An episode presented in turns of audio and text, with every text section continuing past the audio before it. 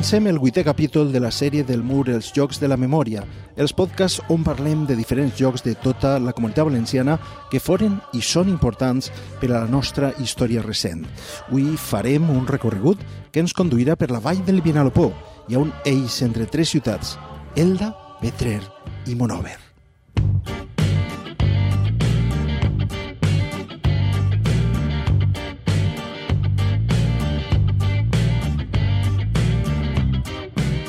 Quasi segur que han escoltat parlar alguna vegada de la posició Juste, de la posició Dakar o de l'històric vol on el govern de la República, presidit per Juan Negrín, va anar a un exili del qual ja no tornaria. Anem a recórrer-los i a desvelar el perquè del seu nom, a conèixer com, quan i des d'on van viatjar el poeta Rafael Alberti i la seva dona, Maria Teresa León, amb Dolores Ibarruri, la passionària, per a salvar les seues vides. Això que estan sentint és El Mur, els Jocs de la Memòria, un serial radiofònic multimèdia dirigit i presentat per Carlos López Olano. Fem periodisme en format podcast, però també molt més. Si accedixen pel web, diversos recursos construïssin un relat multimèdia. La sèrie és una coproducció de Punt Mèdia i de Plaza Ràdio. Capítol 8. La vall del Vinalopó. El darrer paisatge de la República. Esperen que en esta reunió la patronal canvie la seva postura. Así, en estos paisatges que ara creuem entre Elda i Petrer, avui ple de fàbriques i edificis, es va decidir el destí final de la República Espanyola. Tot succeeix molt ràpidament. Gener de 1939 es tanca amb la caiguda de Barcelona i l'avanç dels sublevats en el front de Catalunya. A Figueres es fa l'últim Consell de Ministres. El 5 de febrer de 1939, Azanya, Negrín i altres dirigents republicans creuen a França pels Pirineus.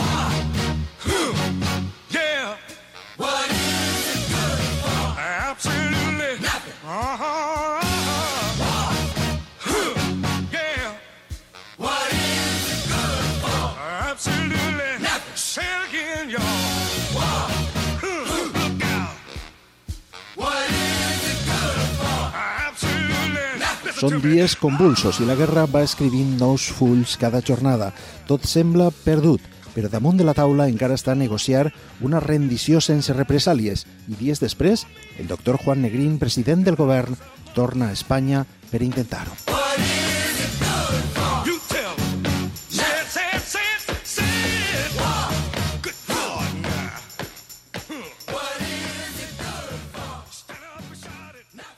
No s'ho pensa dos vegades, se torna a Espanya, el dia següent, el dia 10, està aquí, eh, eh, baixa en, en, en, el, en, en Alacant, en, en el aeroport xiquetet que havia en el que és la universitat actualment, ser de Benalúa, se'n va a València, contacta amb Miaja, se'n va a Madrid, contacta amb Casado i eh, vol estudiar i conèixer de primera mà la situació en què queda Espanya després de la caiguda de Catalunya. Però quin és el motiu perquè el govern es trasllade fins a Petrer? L'historiador Boni Navarro, coautor del llibre sobre la rereguarda al Vinalopó durant la Guerra Civil, es descriu les raons que porten el govern a instal·lar-se en la finca del Poblet el 25 de febrer de 1939. A, a més de colònia infantil, que el, govern se fa càrrec en febrer del 37 i ho converteix en colònies escolars, ja va la responsabilitat i el cuidado del, del, del govern. Mm, Se va utilitzar també este poble, el poblet, este lloc eh, emblemàtic, històric i molt important per al poble, com a hospital. Va ser un hospital de sang on sabem que les ferides no graves de brigadistes i de soldats aquí està com un lloc de reposo i de cuidado durant un temps. No? Dir, que era des de principi de la guerra un lloc mm, conegut i important per a, per a l'exèrcit i per lo que eren les institucions de la república. Això pensem que és el motiu, a més de, de, de la situació estratègica, per a que al final de la guerra, és dir, ja quan torna Negrín, conforme hem parlat, coneixent este lloc i sabent la bona comunicació que tenia, perquè la via del tren està molt a prop, la carretera nacional, eh, la pista d'aterrissatge, de xiquetets tal, podia ser algo que des, fera decidir al servici d'intel·ligència militar de que eh, la posició justa, la posició on el govern de la, de la República, on Negrín com a president del govern, poguera deixar la seva sede fins que va tenir que eixir eh, al final de la guerra i anar a l'exili, ja per sempre.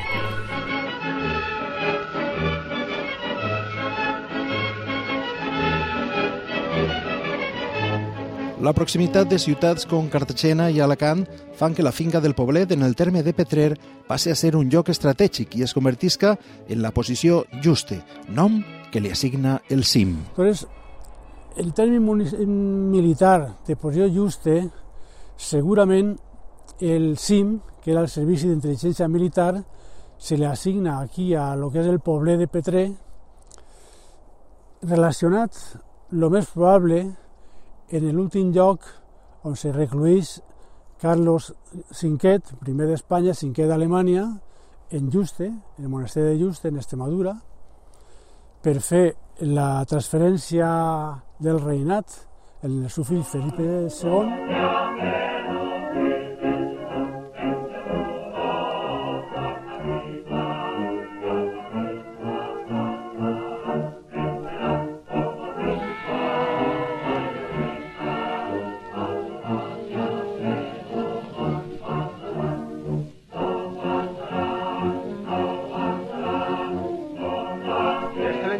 Señor presidente del Consejo, doctor Negrín, ha dicho, cada día de resistencia es un día de ganancia para España.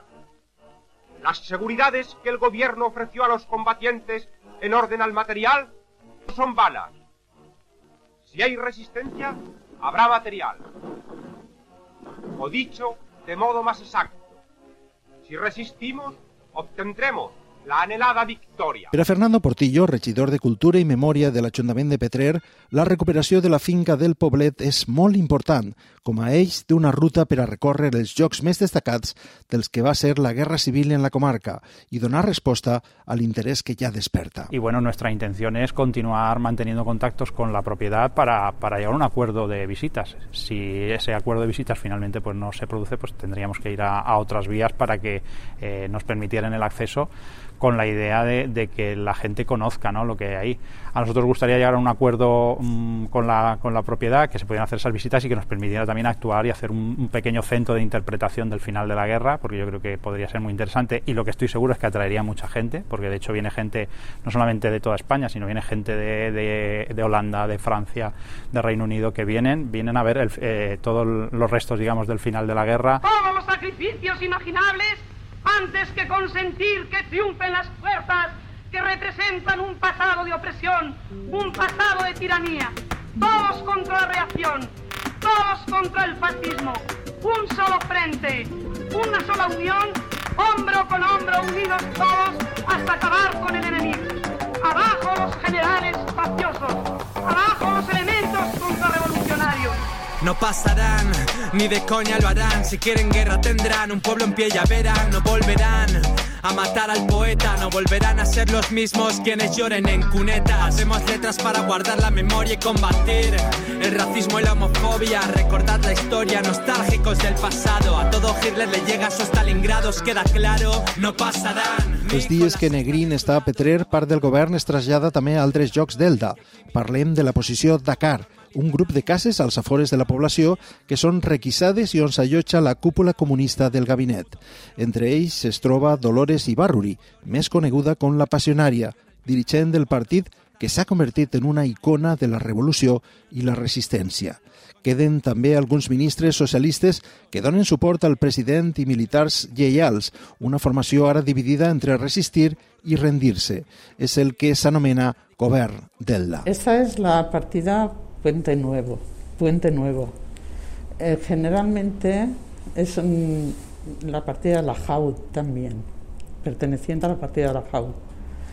Y, pero para la gente del DA es más conocida por la zona de Idella, que es donde está la gasolinera, el restaurante Idella, es la zona donde hay mucha confluencia de gente. Mm, realmente, hasta hace pocos años no se sabía esa parte de la historia o no se le había dado la importancia de vida.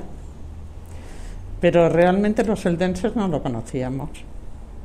ni siquiera creo que yo lo conocía, bueno, lo conocía así de manera superficial, però nada más. Maria José Martínez és l'actual propietària de Villa Manolito, un lloc ben conegut a Elda, dins del nucli urbà per als anys 30 una zona de camp i esplai amb xicotets xalets per a passar l'estiu. És el lloc escollit per albergar els dirigents del PC.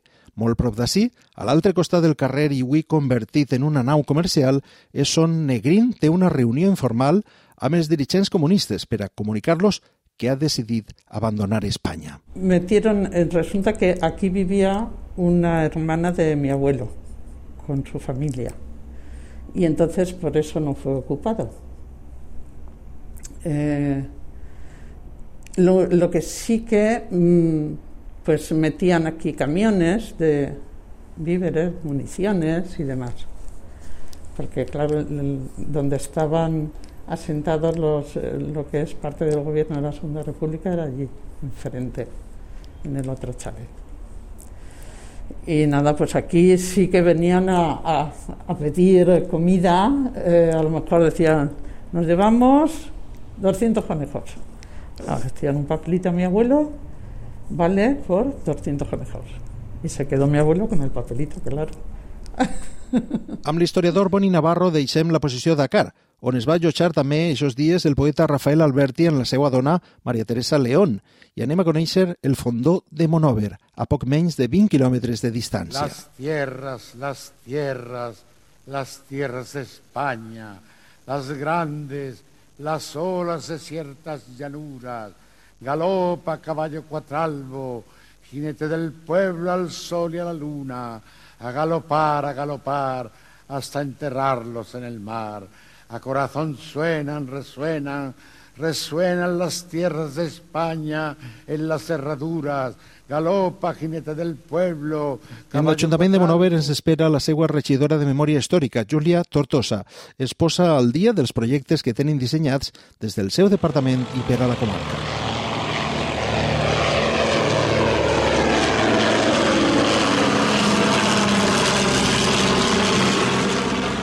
Des de l'aeròdrom, com et dic, vam partir cap a l'exili el 6 de març del 39 i bueno, considerem que aquest joc, encara que no tinga molt de patrimoni físic, sinó que siga més simbòlic, eh, fa que Monova estiga en els llibres d'història eh, en majúscules, diguem, no?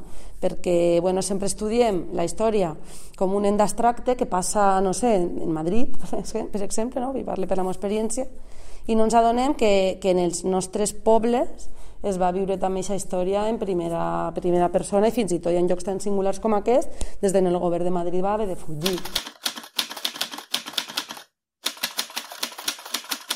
Però què va passar realment al fondó? Durant la Guerra Civil, aquell camp de cultiu es va convertir en pista d'aterratge, les bodegues en quarter i una casa en centre de transmissions. Es van fer torres i un refugi, tot i que l'aeròdrom del fondó de Monover només es va utilitzar una vegada, el 6 de març de 1939, amb quatre vols. Ara, tants anys després, les llegendes envolten el lloc. Hi ha un pi centenari que la gent anomena el pi de la passionària, perquè la passionària va fugir també d'allí de, de cap a l'exili des del fondó i diuen eh, les, memori, la, mem- les persones que reprodueixen la memòria oral que la passionària s'asseia baix del pi a llegir llibres. Jo això ho dubte, perquè els últims dies de la, de la república van ser molt, pues molt convulsos i no crec que la passionària tinguera temps de sentar-se allí tranquil·lament a llegir un llibre. Se n'aniria pitant cap a, cap a l'exili. Però bueno, està bé no, també que forme part d'aquest imaginari col·lectiu que la gent crea al voltant d'aquest període. Vamos, segurament que pas del Pi la passionària no va, no va plegar a estar, no?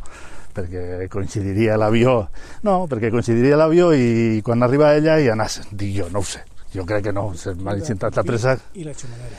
i la xumenera, la xumenera la vem ara, sí, claro Hi ha dos leyendes urbanes que tenen que fer-li cas a alguna. Una, el taxista que la porta corrent perquè l'avió se'n va, i una altra que és el pi perquè s'assenta a llegir mentre és possible, espera l'avió. és possible que s'estiguera, però jo no crec que tant, no, no crec que estiguera tan tranquil·la no, com per estar ahí baix del pi. Vamos, jo crec que no, jo crec que van venir molta pressa, per lo que conten, va venir molta pressa i segurament no tindrien ni que guardar. Eh? Segurament l'avió estaria esperant, a, eh, aquell avió estaria esperant al govern de la República o el que tinguera que muntar aquest avió i segurament no va estar baix del pi, segur, segur.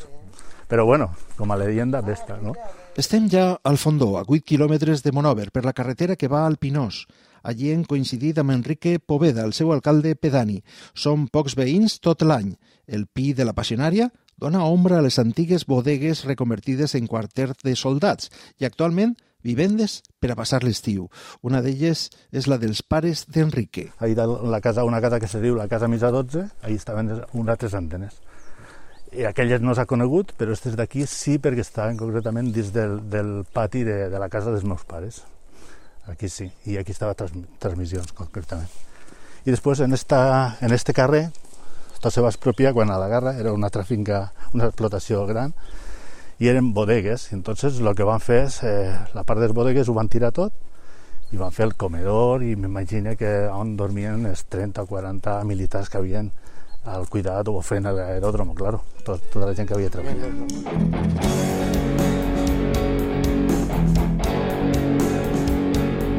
Y en la plaza de mi pueblo dijo el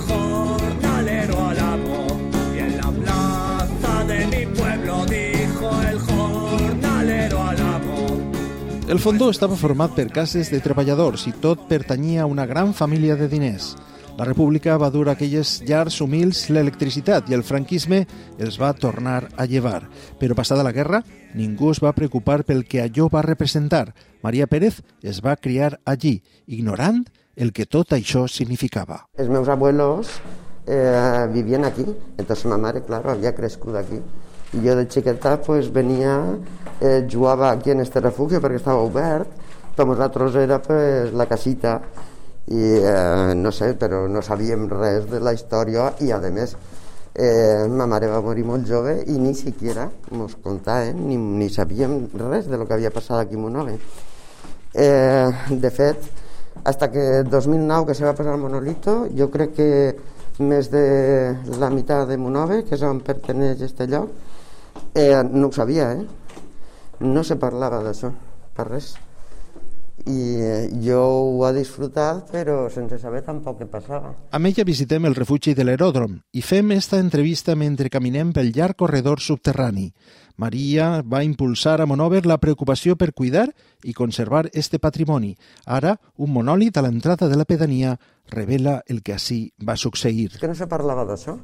El refugi no el, coneix, eh, no el coneixia la gent fins que van per el monolit, van començar a obrir-lo, eh, hi ha moltes visites guiades i, eh, i la gent li encanta, no? A més, hi ha gent que baixa tots els anys, quan fem una dina aquí en, en el mes d'abril, sempre, eh, i baixen tots els anys, la mateixa gent, els encanta veure-lo, ho disfruten.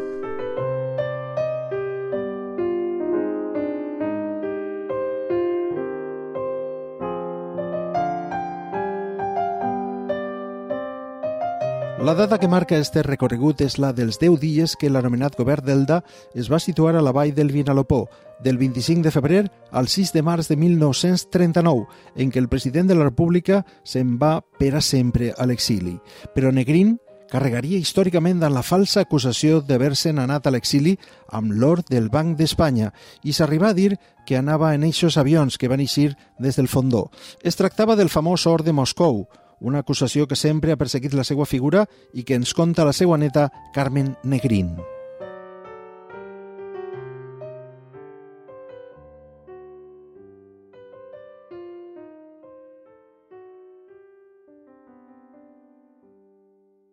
Obviamente no, ni, un miligramo de ese oro llegó a otro lado que no fuera para el uso de la compra de armas o de comida para los uh, soldados que estaban en guerra. Y de hecho eh, hemos encontrado entre los documentos un telegrama de finales del 38 de los soviéticos anunciando que iban a hacer un préstamo, el primer préstamo. Entonces el hecho de que hicieran un primer préstamo muestra que ya quedaba oro. Así que, además ese préstamo nunca llegó, pero en fin, eso es otro tema. Así que, pero bueno, sí, la, la, la, esa memoria falsa es muy, eh, se incrusta, se crean mitos y la gente no, no va y no busca. Por eso eh, creo que hay que interesar a la gente en, en, en los hechos. Eh, los hechos son lo que existen en los documentos. Nadie, nadie, nadie, que enfrente no hay nadie, nadie la muerte si va en tu montura. Galopa caballo cuatralbo, jinete del pueblo, que la tierra es tuya. A galopar, a galopar, hasta enterrarlos en el mar. A galopar, a galopar, hasta enterrarlos en el mar. Rafael Alberti habla de, de esa salida final de España en aquel avión en La Arboleda Perdida, pero, pero personalmente me quedo con la versión que, que nos ofrece, deliciosa versión que nos ofrece María Teresa León en Memoria de la Melancolía. María Teresa escribe muchas cosas de ese momento. Por ejemplo, qué poca tierra nos quedaba y cuántos continentes íbamos a tener que caminar los españoles leales. Noches últimas de España. ¿Cuántas veces no hemos hablado de ellas? ¿Te acuerdas? Sí, sí, recuerdo aquellos últimos días radiantes cuando se iban demorando nuestros sueños. L'escriptor i periodista José Luis Ferris, biògraf de Maria Teresa León i també de Miguel Hernández, ens conta per què són el poeta gadità i la seva dona els que acompanyen el govern en aquell últim vol. ¿Por qué fueron ellos? Mm, eran los más significados políticamente en, en ese momento. Mm, La guerra sirvió todavía para marcar más esa, esa singularización de, de ellos frente a los demás. Fueron los primeros del grupo del 27 que militaron en el comunismo, los primeros que eh, incitaron o invitaron a otros compañeros a también a, a- formar parte del Partido Comunista. Eh, viajaron a la URSS durante los años previos a la guerra civil. Eh, tuvieron unos contactos enormes con, con la cúpula comunista, con el buró político, con Palmiro Togliatti, con Carlos Contreras. Eran realmente los más próximos ah, y más radicaliza- radicalizados políticamente.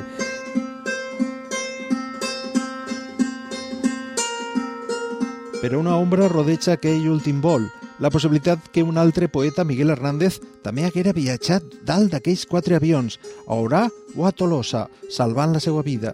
Un mal encontre entre l'Oriolà i el matrimoni Albert i León, setmanes abans podria haver motivat no portar-lo. Había una fiesta organizada co- con, la guerra ya prácticamente perdida en, en el lugar donde prácticamente se refugió también toda la intelectualidad eh, esos años de guerra civil en Madrid. Pero claro, había una pancarta que ponía fiesta de la mujer antifascista y por lo menos la, la imagen que daba para aquellos que habían luchado en los frentes y no habían estado pues en Madrid refugiados en ninguna parte, sino dando la cara en primera línea de fuego como Miguel Hernández, acabada ya la guerra, pues se ofendieron al ver aquello y, y hubo unas palabras más altas que otras entre Rafael Alberti y el propio Miguel Hernández. Hi hagué inclús insults i Miguel mai va anar al fondó. Alberti i León s'enlairaven en la silueta de la Serra d'Aitana al fons, l'últim paisatge que veurien d'Espanya fins quasi 40 anys després. Ha venido a verme esta mañana el poeta chileno comunista Juvencio Valle, acompañado de Miguel Hernández. El peligro en que se encuentra este muchacho es grande y viene a pedirme asilo. Quería salir de España. Me cuentan que Alberti, María Teresa León y Santiago Ontañón han salido ya, sin acordarse de él, de Miguel Hernández. Así es la vida.